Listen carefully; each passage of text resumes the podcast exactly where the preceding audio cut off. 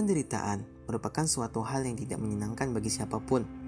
Semua orang pastinya tidak ingin menderita.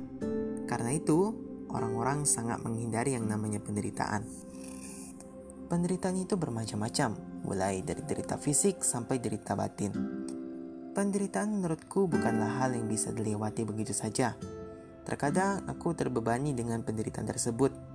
Salah satu penderitaanku adalah keraguan dalam melakukan banyak hal – Aku ragu bila melakukan sesuatu.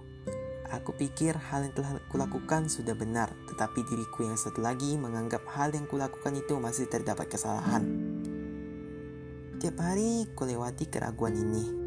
Kulewati dan lewati terus, tetapi sampai sekarang pun keraguan ini masih saja ada di dalam diriku ini. Entah sampai kapan aku harus membawa keraguan ini. Penderitaanku yang satu lagi yaitu pertengkaran kedua orang tuaku yang ku dengar terus.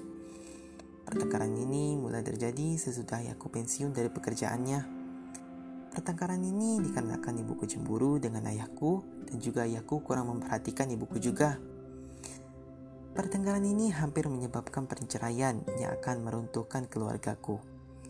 Aku sedih bila hal itu terjadi. Dan aku juga berharap kepada Tuhan Yang Maha Esa agar keluargaku ini terus bertahan. Jikalau perceraian ini terjadi, aku berpikir bahwa adikku masih bersekolah dan aku juga masih seorang mahasiswa yang belum tahu apa-apa tentang dunia luar. Pastinya beban ibu atau ayahku yang membawa salah satu dari kami akan berat. Dan jikalau mereka berpisah, aku tidak tahu harus bagaimana. Karena itu, aku tidak ingin keluarga ini sampai berpisah. Aku ingin keluarga ini terus bertahan.